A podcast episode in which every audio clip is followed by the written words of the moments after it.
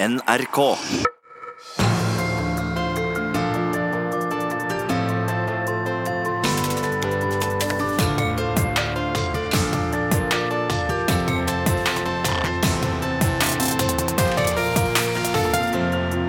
I disse dager er det 50 år siden drapa som førte til et av norgeshistoriens mest kjente justismord.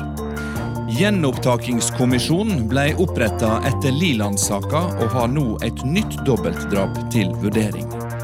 Gamle straffesaker er vonde å vende. Er det for vanskelig? Ja, Velkommen til ei ny aktuell sending fra Tøyen torg i Oslo. Du hører på disse dager på NRK P2.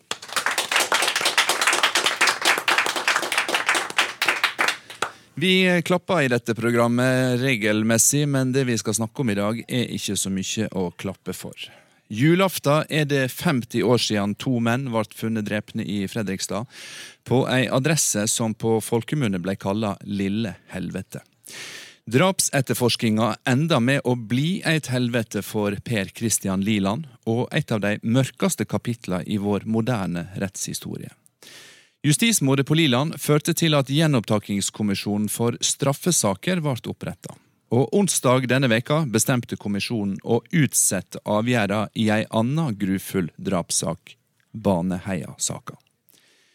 Hvor vanskelig skal det være å få åpne ei straffesak på nytt, spør vi i dagens utgave av disse dager.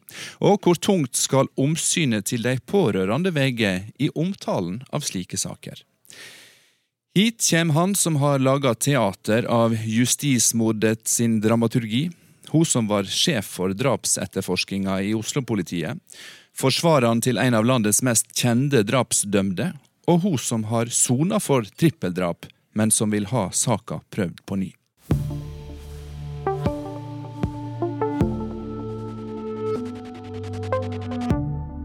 Men aller først, mannen som har medvirka til å få frikjent de dømte i noen av de mest omtalte drapssakene her i landet, privatetterforskeren Tore Sandberg.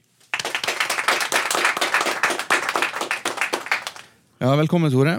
Det er snart jul, og snart 50 år siden Liland-saka starta.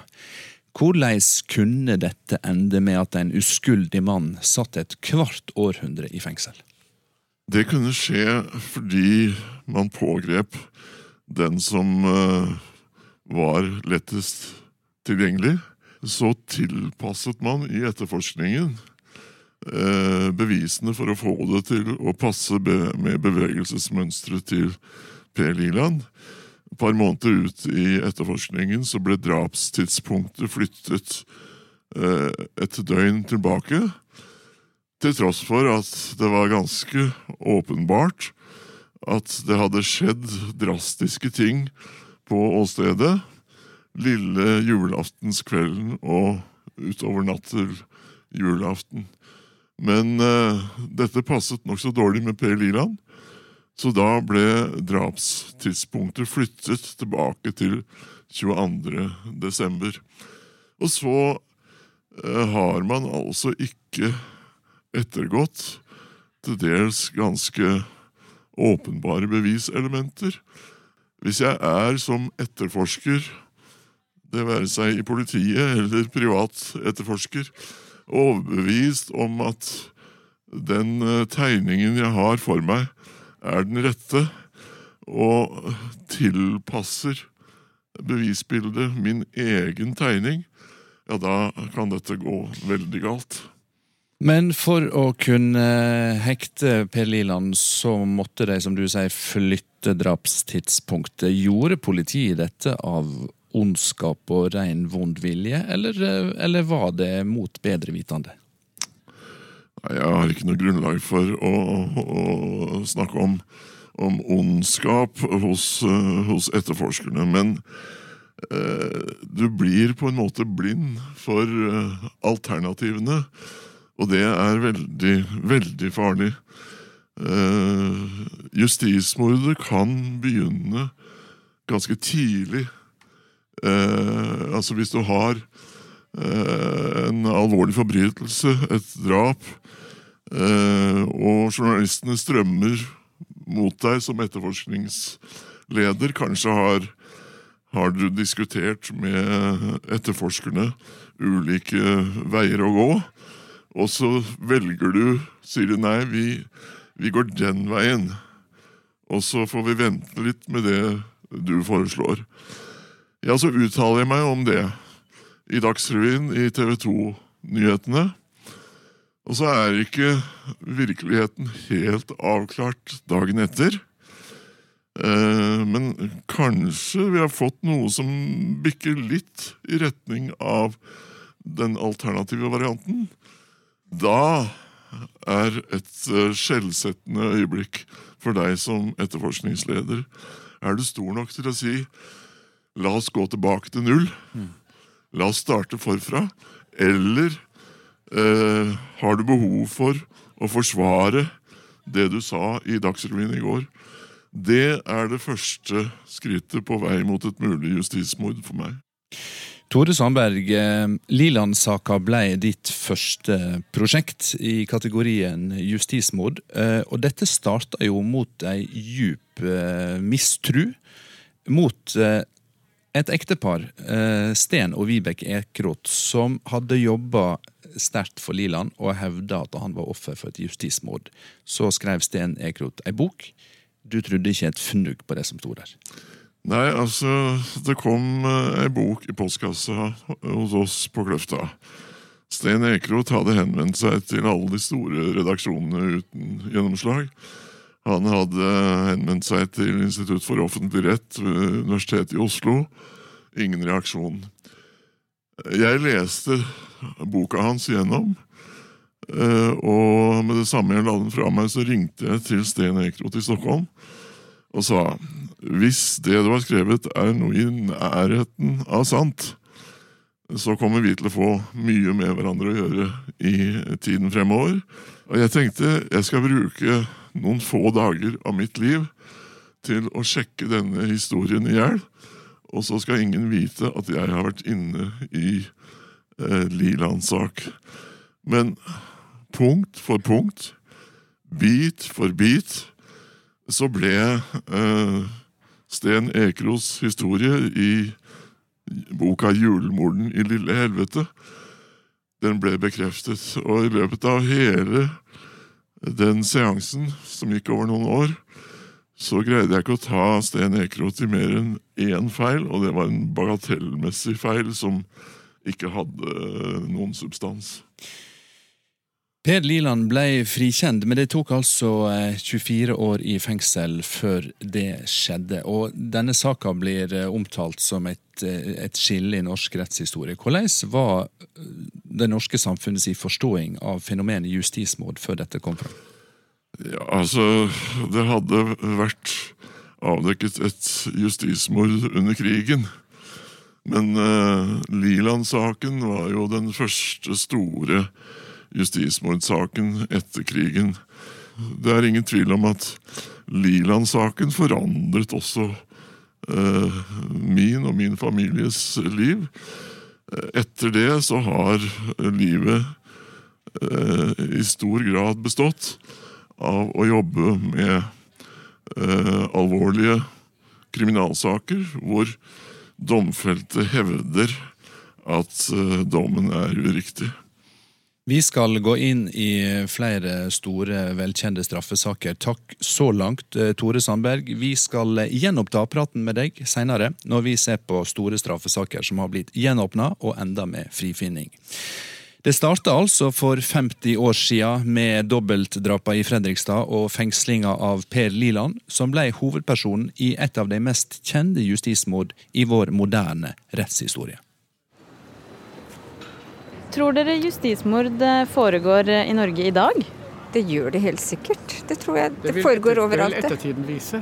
Men også det er veld, veldig vanskelig å vite, hvis man ikke finner bevis, om det er, eh, er det. Absolutt, det tror jeg. Fordi det er det er jo mennesker som håndterer det, og det er menneskelige feil. Og så er det lett å gjøre seg opp en mening på forhånd. Det ville være veldig blåøyd å tro at det ikke fantes. Så har vi denne Nav-saken. Det er kanskje noe justismord der òg. Hvis de er blitt uskyldig dømt. Eh, jeg tror ikke det forekommer så mye av det. Jeg tror det er andre land enn Norge som har mer av dette enn det vi har. Tror du at eh, justismord foregår i Norge i dag? Sannsynligheten er veldig stor for at det foregår. Vi har vel en sak eh, kanskje gående nå, ikke sant? Med den saken fra Kristiansand, Baneheia. Og hvis den blir, kommer opp på nytt, da, så er jeg redd for at han kommer til å få medhold. Faktisk. Men hvorfor det skjer justismord, det er vel dårlig etterforsking. Svake bevis, manglende bevis. Det er jo veldig tilfellet nå i Kristiansand, den saken er Baneheia-saken. Der er det jo mobiltelefon og basestasjoner og Det er jo avdekka faktisk i ettertid, altså etter at dommen falt for 20 år siden.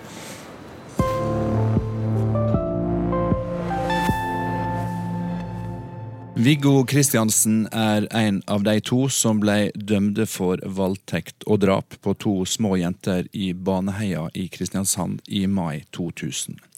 Denne veka har han hatt eh, saka si til behandling i Gjenopptakingskommisjonen for straffesaker. Velkommen, Arvid Sjødin. Ja, takk. Du er forsvareren til Viggo Kristiansen, mannen som fremdeles soner en forvaringsdom på 21 år i Ila fengsel. Hvorfor vil dere ha ny rettssak? Fordi at det er fullstendig uriktig at en person på bakgrunn av politiets etterforskning skal sitte uskyldig i fengsel resten av sitt liv. For det er det han risikerer når det gjelder forvaringssak. Han risikerer å få den fornyet gang på gang, for vi har et system der de som da bestemmer forvaringsinstituttet, de krever stort sett at man må tilstå en handling for å slippe ut. Og det nekter han.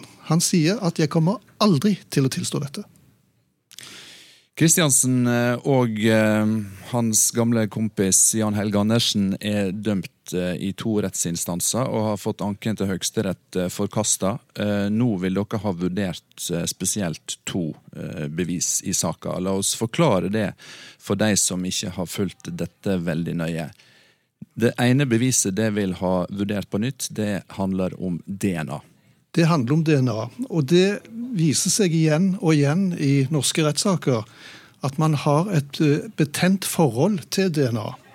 Altså Man klarer ikke å få det ned på et objektivt grunnlag og så vurdere det ut fra det. Domstolene mener jo at DNA beviser at det var to menn på åstedet.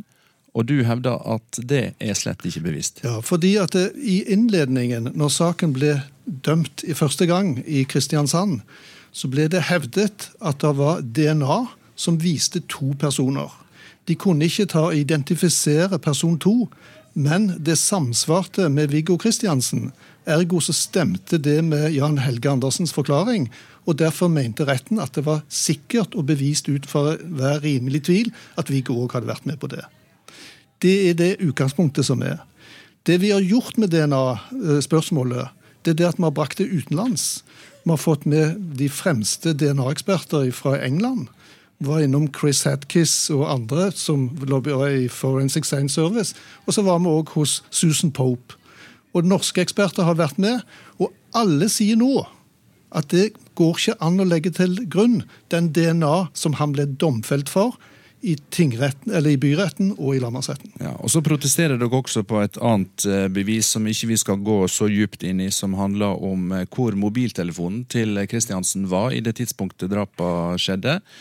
Eh, domstolene har meint at det er bevist at han var i Baneheia, mens det hevder at mobilsporet utelukka han fra åstedet.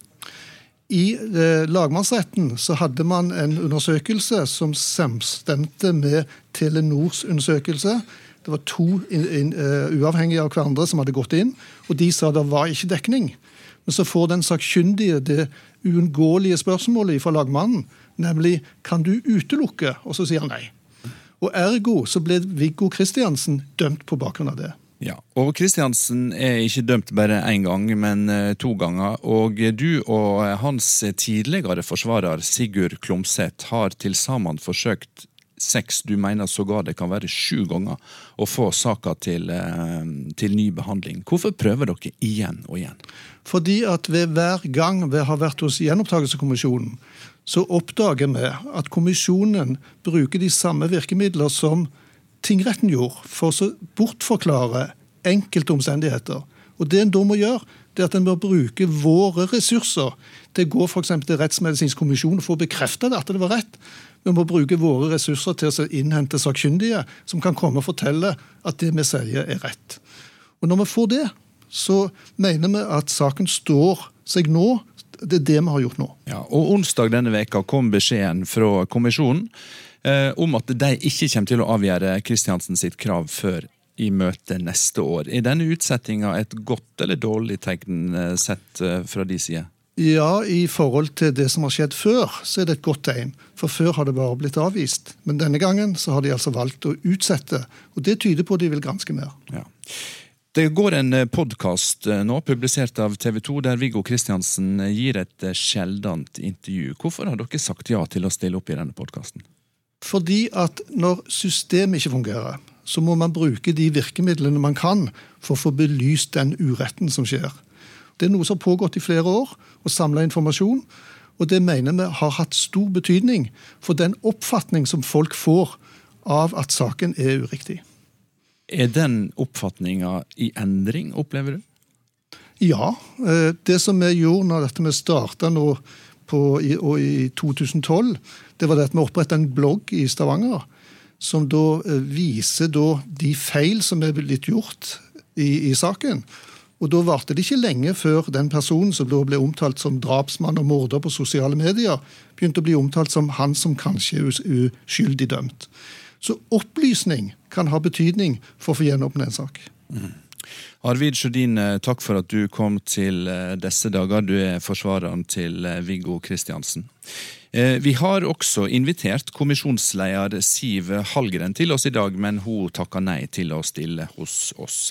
Samtidig som hun og de andre medlemmene av gjenopptakingskommisjonen har forberedt seg til behandlinga av Viggo Kristians sitt krav om gjenåpning, så har vi andre kunnet høre Kristiansen fortelle sin versjon i en podkast som TV 2 publiserer.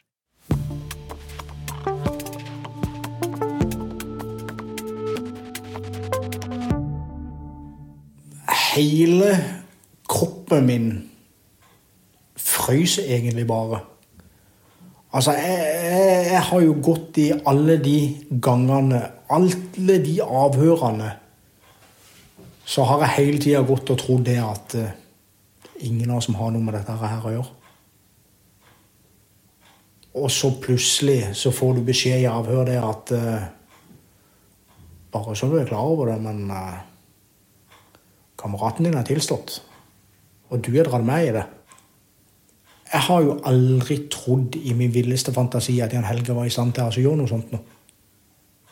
Så når han tilstår, så er det vel et lite øyeblikk der at jeg ikke helt tror på det heller. Men jeg må jo bare fortsette å forsøke å, å kjempe med nebb og klør for min sannhet og, og alt dette her. Og, og det blir jo ekstra vanskelig når han tilstår og drar meg ned i dragsuget og sier det at nei, altså, jeg er jo bare et offer i dette her, han òg. Han truer meg til dette her. Og jeg har til og med et risp her som kan bevise at han har det.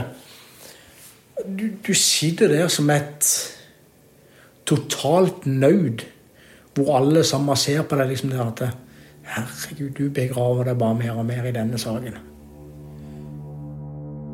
Du satt der og rett og slett kjempa en kamp hvor du hadde din beste kamerat som liksom sa der og liksom det at Jeg har jo bare blitt trua til det. Det er jo han som har trua meg til det. Det er han som er hovedmann. Det var hans idé.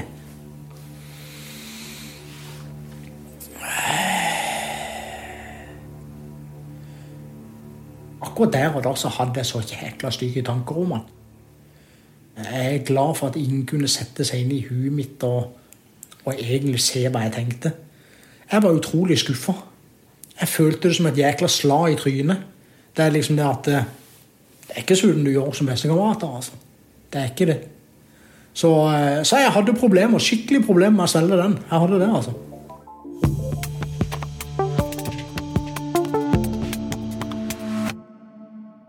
Dette var et eh, utdrag fra intervjuet med Viggo Kristiansen i podkasten Baneheia, som er produsert av Lyder Produksjoner eh, i samarbeid med TV 2. Baneheia-saka er i all si gru omtalt som et nasjonalt traume. Og sjølsagt er det ei livslang sorg for foreldre, familier og venner av de to drepne jentene. Bør mediene av omsyn til de pårørende la være å stille ubehagelige spørsmål snart 20 år etterpå? Hanne Kristin Rode, velkommen til disse dager. Takk.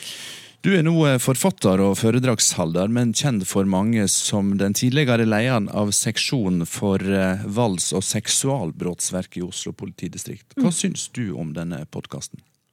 Um det jeg reagerer på med podkasten, er den ensidige fremstillingen som det nødvendigvis må bli, basert på fakta, når ikke alle aktørene eh, deltar, når noen velger å avstå. Eh, det er ikke mitt anliggende å avgjøre hvor Viggo Kristiansen eller andre som er domfelt skyldige, skal uttale seg. Eh, men jeg stiller et spørsmålstegn ved nødvendigheten av å kjøre et slikt løp under fanen Baneheia-saken. For da burde podkasten heller hett Viggo Kristiansen snakker ut, eller noe slikt, sånn at publikum vet hva de får. Eh, jeg har veldig stor respekt for det norske folk, de fleste kan tenke selv. Men det er så mange opplysninger som tilflyter oss hele tiden, at vi glemmer det rent relasjonelle i det vi faktisk er satt til å gjøre, vi mennesker på jorda. Du kaller dette i Klassekampen et talerør for en person som er domfelt for brutale drap. Ja, det er jo faktisk også, det det er. Skal ikke vi også kunne lytte til en mann som mener at han er uskyldig dømt? Jo, eh, og det mener jeg jeg sa nettopp. Eh, vi skal absolutt ikke avskjære denne personen eller andre fra å komme til orde i det offentlige rom, men det er måten det skjer på, og navnet Baneheia-saken kan gi skinn av at den podkasten er noe annet. At det også er politi, statsadvokat, eh, pårørende som deltar eller har stått bak og eh, tilflytte opplysninger, noe det da altså ikke er, sånn som jeg har forstått det.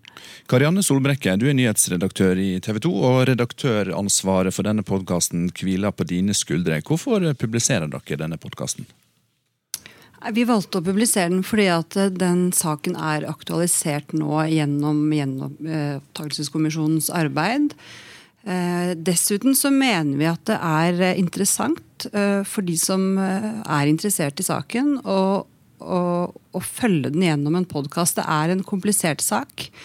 Det er vanskelig for oss også at de pårørende ikke ønsker å være med. At ikke politi og påtalemyndighet ønsker å være med.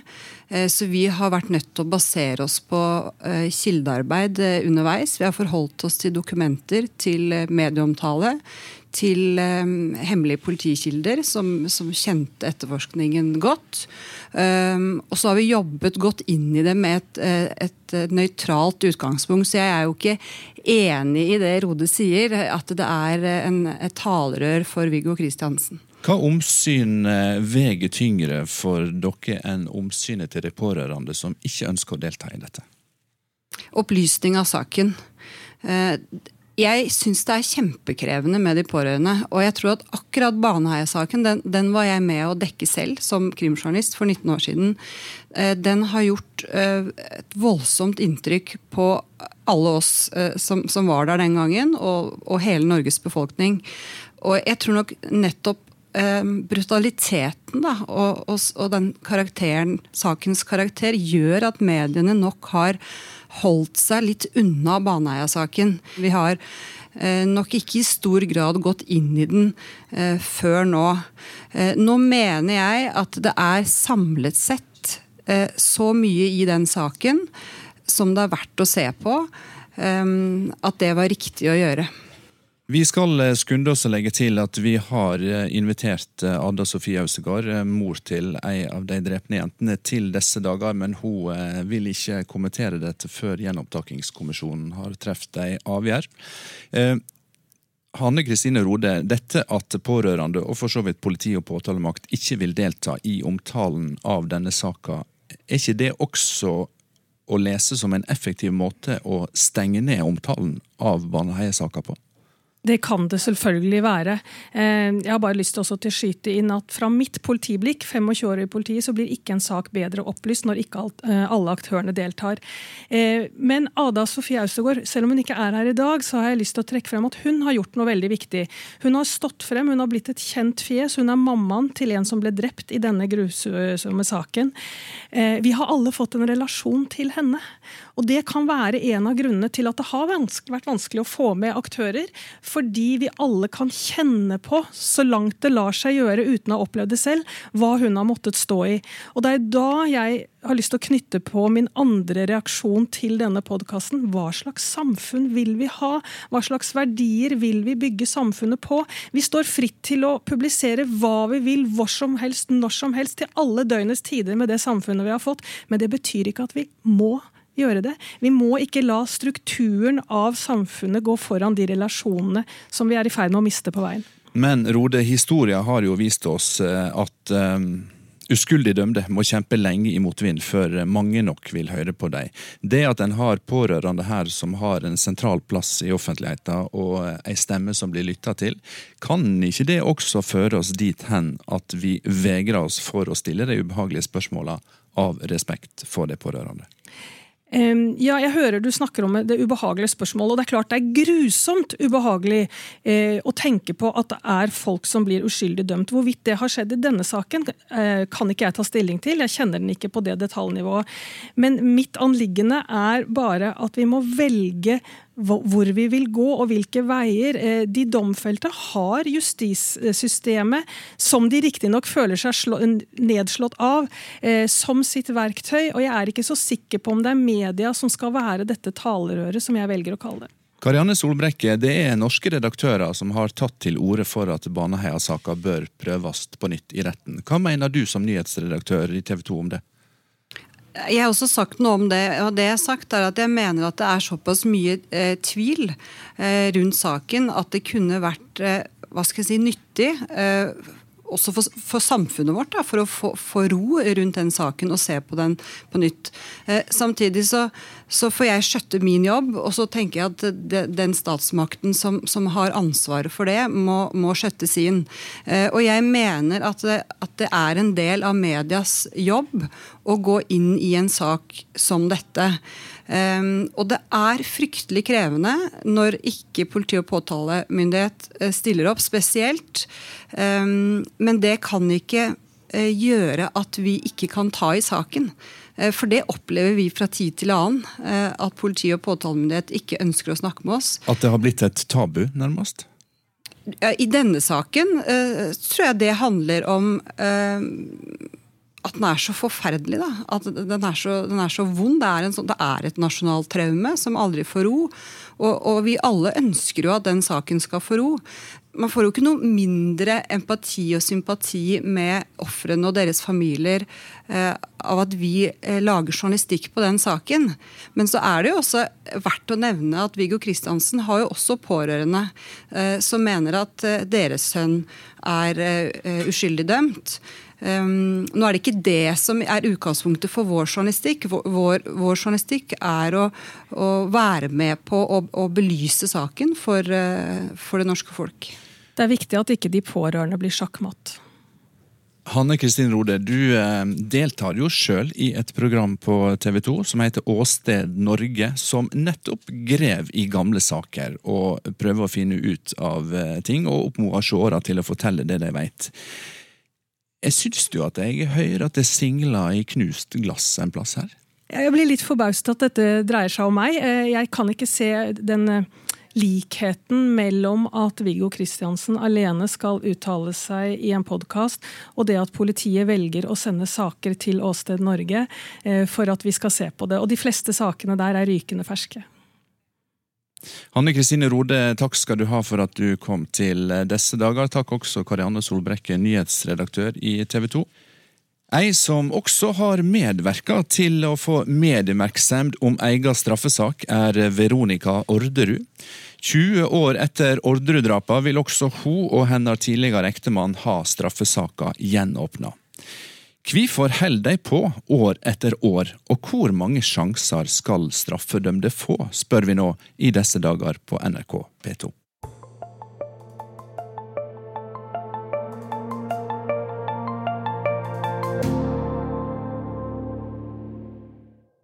Ja, velkommen til disse dager, Veronica. Takk. Du er her annet fordi du stilte opp i en serie som VG og NRK publiserte om det de kaller Gåten Orderud. Hva vant du på å stille opp der? Uh, nei, Jeg er veldig enig i det Arvid Sjødin var inne på. At jeg tror at uh, uh, altså Når kunnskap om en sak skal på en måte, eller en kriminalsak skal ut til det norske folk, så er det stort sett påtalemyndigheten og politiet som styrer det. Er ikke det sånn det bør være, da? Nei, altså jeg har stor tiltro til at folk klarer å gjøre seg opp en mening selv. Og jeg tror at i en god del saker så kunne kanskje utfallet også vært litt annerledes dersom folk hadde vært bedre kjent med sakene. Uh, og det er på en måte det jeg eh, føler at jeg har nytt litt godt av, da, ved at de Orderud-saken har vært såpass medieeksponert nå etter domfellelse. Ved at veldig mange har fått et ganske annet syn på det, og et ganske annet syn på hva slags bevis som både foreligger og ikke foreligger i saken. Mm. Fordi denne serien gikk samtidig som Gjenopptakingskommisjonen starta arbeidet med å vurdere ditt og din eksmann sitt krav om å få saka gjenåpna. Trengte dere den publisiteten for å påvirke gjenopptakingskommisjonen, eller hva er det bakenforliggende tanken? Nei, det var i hvert fall ikke min vurdering for å stille opp øh, og medvirke. For min vurdering var egentlig bare i forhold til, til min situasjon, fordi at jeg ønsker å leve et normalt liv. Og det er klart at da er det viktig for meg at så mange mennesker som mulig ser at eh, saken kanskje ikke nødvendigvis er rett pådømt. Da. At det kanskje er feil. Eh, for meg rent menneskelig, fordi jeg ønsker å gå ut i samfunnet og leve normalt og få en jobb og få et normalt liv på bena, så var det viktig. Mm. Ja, du sier du vil leve et normalt liv. Ehm, du har sona ei lang fengselsstraff fordi du ble dømt til 21 års fengsel for medvirknad til eh, trippeldrap. Og så har du sona din straff. Du har starta et nytt liv. Du har fått deg jobb. Hvorfor lar du ikke Orderud-saka bli liggende i historia? Nei, jeg føler jo så lenge man har ressurser og styrke til det, så, så kan man ikke det. Altså Det er noe med at uh, Ann Kristine Rode snakket om hva slags samfunn ønsker vi. Altså, Jeg ønsker i hvert fall et samfunn hvor sannhet og rettferdighet er det aller viktigste. Uh, og selvfølgelig skal man ha respekt for offeret og, og, ta hensyn til, nei, til, til de pårørende, mener jeg. Og ta, ta, hensyn til det, og ta hensyn til menneskers følelser. og men det er noe med at det aller, aller viktigste er rettssikkerhet, og det er rettferdighet, og det er sannhet. Uh, og det tror jeg vi alle som, som mennesker i, i, Norge og i et demokrati er nødt til å stå frem og kjempe for, så fremt vi har ressursene. Mm. Når du nå uh, ber Gjenopptakingskommisjonen vurdere å åpne saka på nytt, hva er det du vil ha bevist? Nei, jeg ønsker jo, eller det er jo heldigvis Tore som tar seg av disse tingene. Sånn at han øh, vil jo få frem alt som ikke kom frem under politiets etterforskning. Alt politiet ikke gjorde, øh, som man snakket om innledningsvis, ikke sant? når de velger å se den ene retningen og ikke den andre. Hva har de gått glipp av, og hva burde vært etterforsket? Vi spør eh, Tore Sandberg, som i mer enn ti år har jobba for Veronica og Per Orderud for å få saka gjenåpna. Hvorfor skal vi bry samfunnet med Orderud-drapa 20 år etter? Jeg vil stille spørsmålet sånn, jeg. Ville du, Hanne Kristin Rode, ha slått deg til ro med hvis du visste inni deg selv at den alvorlige forbrytelsen du var dømt for, den var uriktig? Ville du slått deg til ro med det etter at du hadde sonet en dom som du visste ikke var riktig? Altså, for meg blir spørsmålet komplett meningsløst. Eh, selvfølgelig vil jeg ikke slå meg til ro når jeg vet at dommen er uriktig.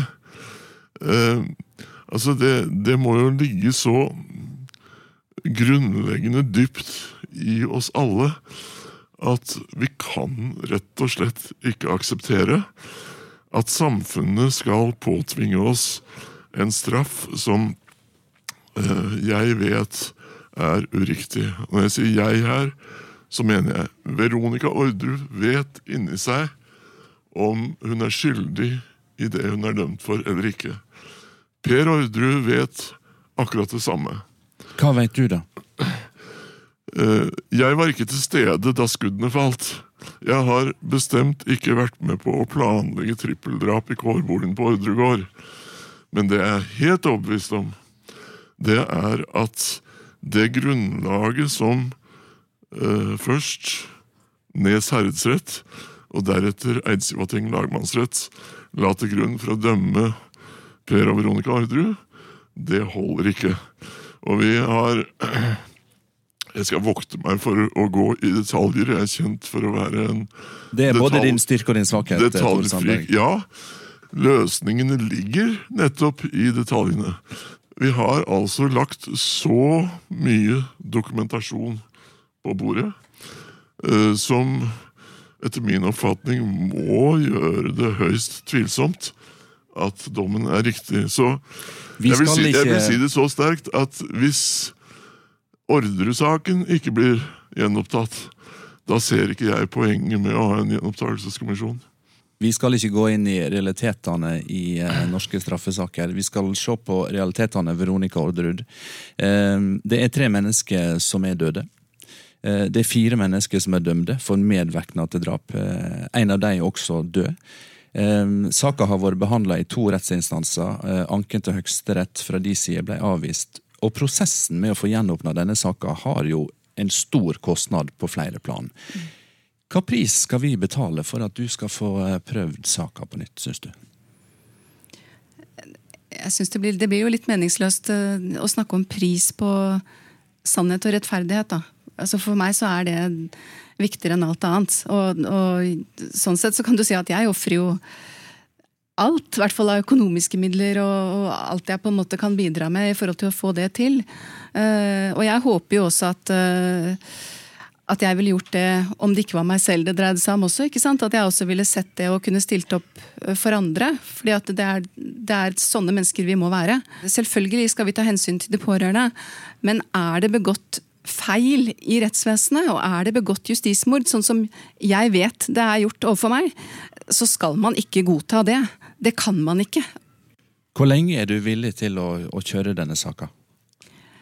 Nei, Det er vanskelig, fordi at jeg vet at dette, eller denne behandlingen i kommisjonen er jo i realiteten den sjansen vi får. Fordi at det er fryktelig fryktelig vanskelig å få saker opp. Eh, og man ser jo, sånn som i Baneheia og sånn som for i Torgersen-saken, at jo flere ganger man prøver, jo mer betent blir saken, ikke sant? og jo vanskeligere blir det. Terskelen bare blir høyere og høyere. Så sånn realistisk så tenker jeg at dette er vår sjanse. Eh, og så får man, hvis det eventuelt ikke skulle gå, så får man gjøre opp status da. Veronica Orderud, takk for at du kom til eh, disse dager.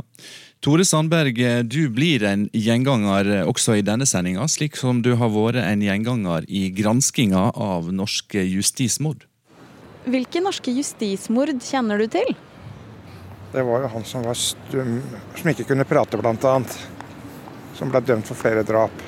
Husker ikke navnet hans nå. Fredrikstad Liland, Per Liland. Eh, Fritz eh, Hva het han i Trondheim, eller? Moren. Fritz Moen. Norske justismord? Jeg kommer ikke på noen i farta, dessverre. Å, kjære gud. Nei, det tør jeg ikke å si. Nei. Oppe i Trondheim, han eh, som eh, Var det manglet en arm over Liland, eller hva sånt? Var det det? Ja. Åh, det er sikkert noen. Men spørsmål eh, Jo da, det var han som var uh, handikappet, han som ble dømt for mord en gang. vet du. Ja, det stemmer det. Uh, ja. Fritz Moen tenker på.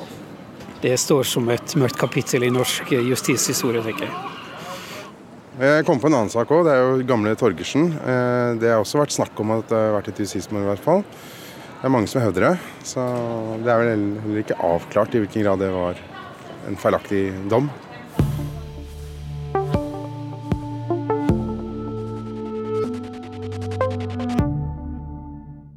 Torgersen, Liland, Moen. Tre norske etternavn som også danner overskrifta på tre mørke kapittel i norsk rettshistorie. Vi skal gå inn i disse sakene, men først så har Hanne Kristin Rode bedt om å få svare på de spørsmåla Tore Sandberg stilte henne. Ja, jeg vil bare si til Tore Sandberg at jeg har jo aldri hatt en intensjon om at mennesker som mener seg urettferdig dømt, ikke ikke skal få lov til å kjempe sin sak. Det er kanalene det skjer i, og på hvilken måte jeg er sterkt kritisk til. Takk skal du ha. Jeg eh, nevnte Torgersen, Liland og Moen, tre kjente norske justismord som Tore Sandberg har vært med å skrive historier til, alle tre, og slik bidratt til manuset til et teaterstykke om kjente norske justismord. Her er skuespiller og teatersjef ved Teater Ibsen i Skien, Thomas By. Tusen takk. Velkommen, Thomas. Takk for det. Hva er det som får en skuespiller til å sette seg ned med tusenvis av sider med domspapir, avhørsprotokoller og bevisdokument, slik som du har gjort? Vet du hva, Det har jeg ikke noe klokt svar på. Eneste jeg kan si er at uh, altså jeg har brukt de siste 14 åra på å sette meg uvanlig grundig inn i omtrent det som fins av uh, omstridte norske drapssaker eller anerkjente justismord. Og det, For min del så starta det med en teaterforestilling. Jeg fikk lov til å velge et teaterstykke på Teater Ibsen da jeg var skuespiller der. Endte tilfeldigvis opp med Jens Bjørneboes skuespill om Torgersen-saken. Satte meg vanvittig grundig inn i den. Kort tid før premieren fikk han avslag fra Gjenopptakelseskommisjonen. Og da tenkte jeg, hva i alle dager er det jeg ikke har forstått? Altså, Jeg er jo lekmann, ikke sant? det er sikkert et eller annet jeg ikke har skjønt. Så for, for å forstå liksom, hvordan jeg kunne la meg lure til å tro at Torgersen-saken var et justismord, så bestemte han for å sette meg inn i et anerkjent justismord. Og begynte da med Liland-saken. Og tenkte oi, her er det masse likheter med Torgersen-saken. Eh, kan det være tilfeldig? Jeg setter meg inn i Fritz Moen-saken, og fant da denne justismordets dramaturgi. At disse sakene har utrolig masse felles. Ja, hva er det du ser av fellestrekk i disse tre sakene, Thomas By? Eh, dere har vært litt innom det, men uh, det starter vel med at det er en litt for ensrettet etterforskning. Uh, der jeg opplever at etterforskerne har gått i disse bekreftelsesfellene. Altså ting som taler for at det man mener er riktig, blir lagt vekt, mens det som ikke passer, blir lagt til side. Så kommer det gjerne inn noen sakkyndige som sannsynliggjør politiets teorier, selv om de altså viser seg å ikke være riktige. Det kan ofte være vitneforklaringer, uriktige vitneforklaringer. Det finnes ofte falske tilståelser. Men så er det viktigste, og dette er noe av det som jeg opplever som, som, noe som man burde se på rettssystemet, det er dette med at alle, altså Fritz Moen, Per Liland og Torgersen, er alle dømt på det samlede bevisbildet. Altså Det er summen av indisiene som har dømt dem. Og når jeg har vært meddommer i Oslo i flere år, så er det det siste som dommeren forteller oss, eh, lekdommere, det er at vi må huske å ikke se på bevisene uh, separat. Vi skal vurdere de samlet. Men det er jo noe av problemet, er at alle disse dommene er jo bygget på indisier som egentlig ikke har vekt. Men som når de blir lagt sammen, så fremstår det som at man har et veldig godt bevisbilde. Så jeg er veldig opptatt av at man skal vurdere hele tanken om det samlede bevisbildet. Det vil kreve en stor endring egentlig, av rettssystemet vårt. Og Det er derfor du har eh, gitt teaterstykket ditt eh, tittel i form av et regnestykke. Null pluss null er lik fire, som henspeiler da på, på bevis, uten ja. særlig tyngd sett hver for seg. Hva er Thomas, eh, kunstens rolle, eh, slik som du har spilt den, i debatten om norsk rettstrygghet? Jeg er veldig var for nettopp dette med å si at jeg er lekmann. Altså, Hvorfor i alle dager skal man høre på en skuespiller når det kommer til rettssikkerhetsspørsmål? Og til det så vil jeg bare si at eh, De kjente norske justismordene har jo også det til felles at de ikke har blitt oppklart av en politibetjent. Det er ikke en jurist. Det er ikke fagfolk som kjemper for gjenopptakelse av justismord. Det gjøres av amatører. Det gjøres av journalister, av andre som for på en eller annen måte får kjennskap til sakene. Så den rollen kan vi spille. Og derimot så har jo påtalemyndighet og politi i alle kjente justismord kjempet med nebb og klør for å forhindre gjenopptakelse av sakene. Og når man attpåtil ender opp med å ha offentlige granskninger, altså både Liland-saken og Fritz Moen-saken ble offentlig granska, sånne utvalg, og der kom man fram til at f.eks. Fritz Moen-saken der, så var det ikke eh, altså Påtalemyndigheten kunne ikke klandres for at de ikke kjempet for gjenopptakelse av Torunn Finstad-saken. Og det er sånn, For meg som lekmann er jo det helt ufattelig. Hvordan kan det ikke være kritikkverdig at påtalemyndigheten ikke gjenopptar et så åpenbart justismord som Fritz Moen-saken var? Og der kommer kanskje kunstnerens rolle inn. Ok, hvis ingen andre forstår, da må man kanskje eh, benytte seg av um, kunstens virkemidler, som bl.a. handler om dramaturgi, evnen til å fortelle en historie på en uh, forståelig måte. Mm. Du nevnte Fritz Moen-saka, og det tar oss eh, tilbake i tid. Dette har etter hvert blitt den største kriminalsaken i sitt slag her i landet. Politiet kjenner bevegelsene til Sigrid et stykke på veien, men akkurat hva som skjedde på den siste strekningen mot åstedet er fortsatt ukjent. Slik hørtes eh, Dagsrevyens reporter Tore Sandberg ut da han dekka drapet på studenten Sigrid Heggheim i Trondheim i 1976. Dette var et av drapene som Fritz Moen ble uriktig dømt for. Men han ble senere frikjent med god hjelp fra deg, Tore Sandberg. Du starta som journalist og enda som privat etterforsker. Thomas eh, nevner fellestrekka i eh, justismordet sin dramaturgi. Hva fellestrekk har du sett? Tidlig utpeking av mistenkt. Sortering av uh, bevis i saken. Tidligere så hadde politiet noe de kalte for nulldokumenter. Hva var det for noe? Jo, eh, det var dokumenter som angivelig uh, var uten betydning i saken. På mitt hjemmekontor så har jeg hyllemetere med nulldokumenter. Det ene dokument mer oppsiktsvekkende enn det andre.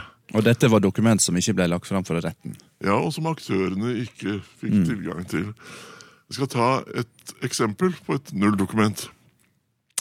Fra Liland-saken, hvor altså drapstidspunktet ble flyttet fra 23. desember til 22. desember. 23. desember eh, På morgenen så kommer en uh, kjørende forbi åstedsadressen. Han ser en mann komme ut av døra til åstedet, og åstedet er altså ett rom på 20 kvadratmeter.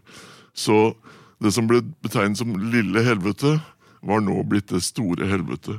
Mann kommer ut av døra. Det legges som nulldokument. Altså uten betydning? Uten betydning? Ja, uten betydning hvis vi skal greie å få dømt Per Liland for å ha drept ofrene den 22. desember. Men totalt forkastelig i rettssikkerhetssammenheng. Mm. Thomas Bye, som altså har skrevet et teaterstykke om justismord. Du eh, har vist dette til Gjenopptakingskommisjonen. Hvordan eh, var det?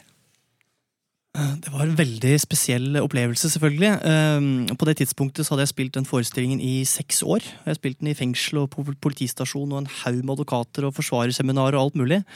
Men da jeg spilte den for kommisjonen, så var det jo på sett og vis som at forestillingen eh, kom hjem.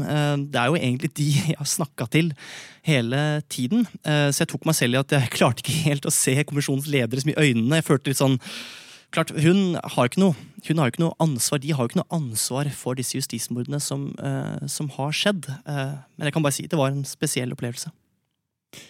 Og En av de som har sett monologen til Thomas Bye, det er strafferettsprofessor ved juridisk fakultet ved Universitetet i Oslo, Ulf Stridbekk. Han har fulgt gjenopptakingskommisjonen sitt arbeid fra starten i 2004.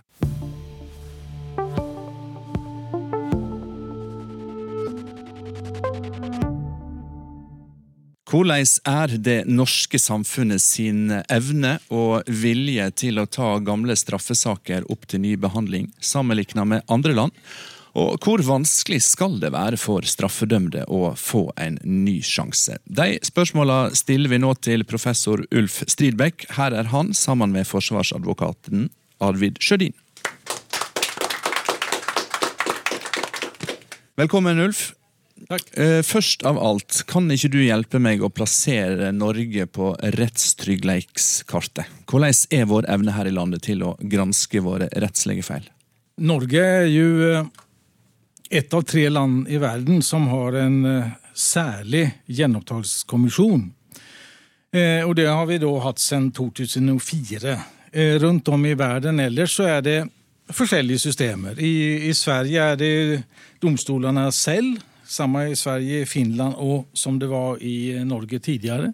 I Danmark er det en særlig klagerett som er en miks av eh, dommere og eh, professorer i strafferett.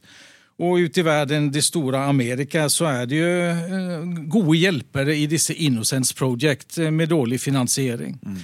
Men Norge har jo da denne gjenopptakskommisjonen som jo har en trygg og solid eh, budsjett, har penger. Staten går inn og, og gjør de de kan grepet med gjenopptakskommisjonen er jo at de har et eget sekretariat med utredere. Og der, der skiller vi oss fra andre land.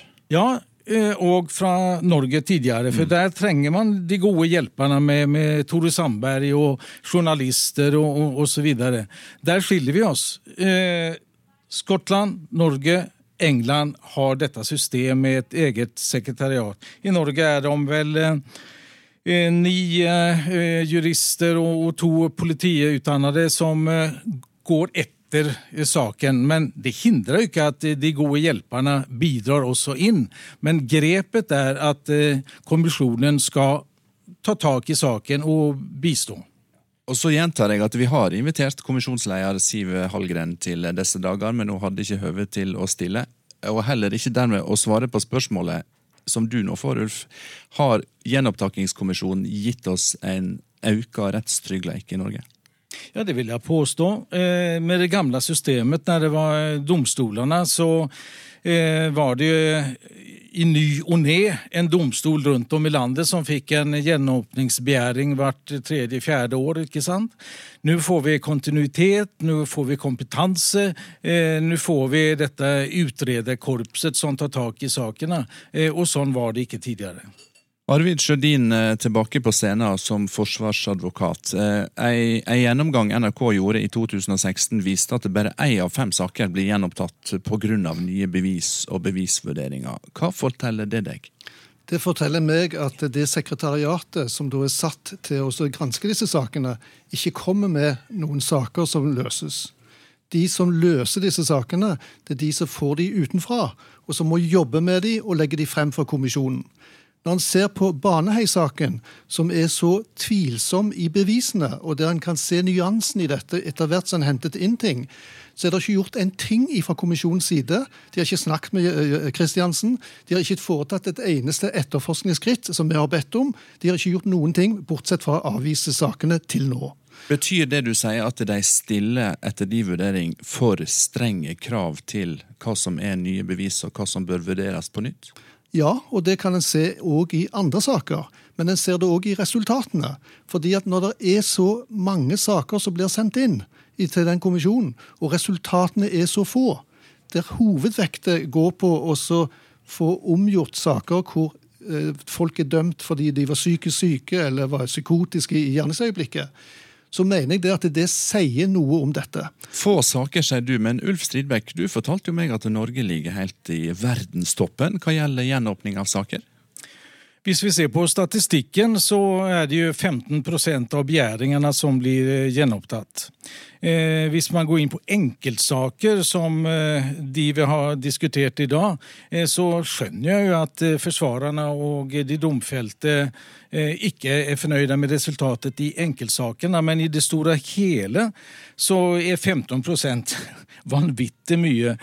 Sverige ligger jo under prosenten, og andre Danmark kanskje ligger på 4% England på, på 3 Men, og det er viktig, i disse 15 prosentene så ligger 40% av de er jo tilregnelighetssaker, som er noe spesielt for, for Norge.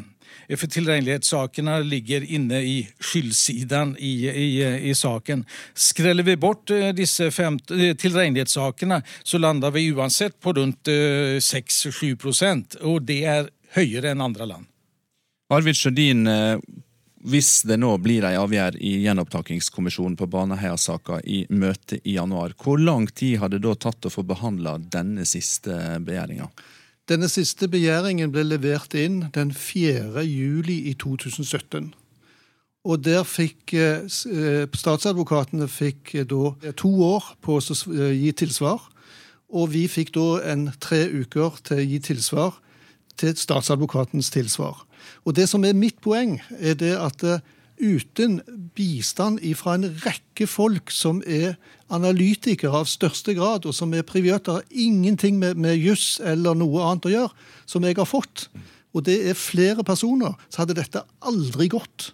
Ulf Stridebekk, du har jo vært med og evaluert gjenopptakingskommisjonen. Hvorfor tar det så lang tid å få behandla ei sak? Det kan skyldes at det er store, kompliserte saker. eh, Og eh, det er jo, som ellers i, forvaltningen, begrensede ressurser.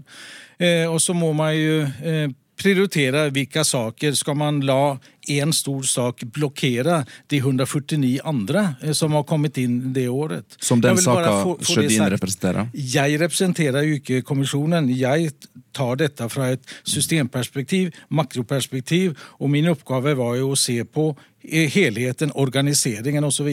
Men eh, tilbake til tiden.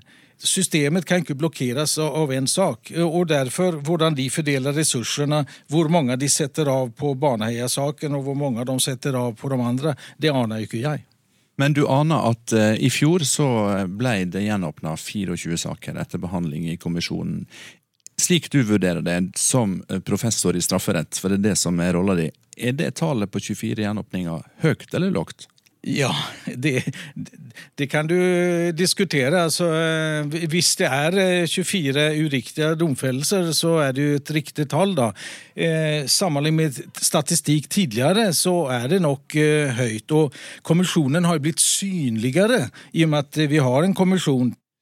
Ulf Stribekk, eh, professor i strafferett ved Universitetet i Oslo. Takk skal du ha for at du kom til oss. Takk også til advokat eh, Arvid Sjødin.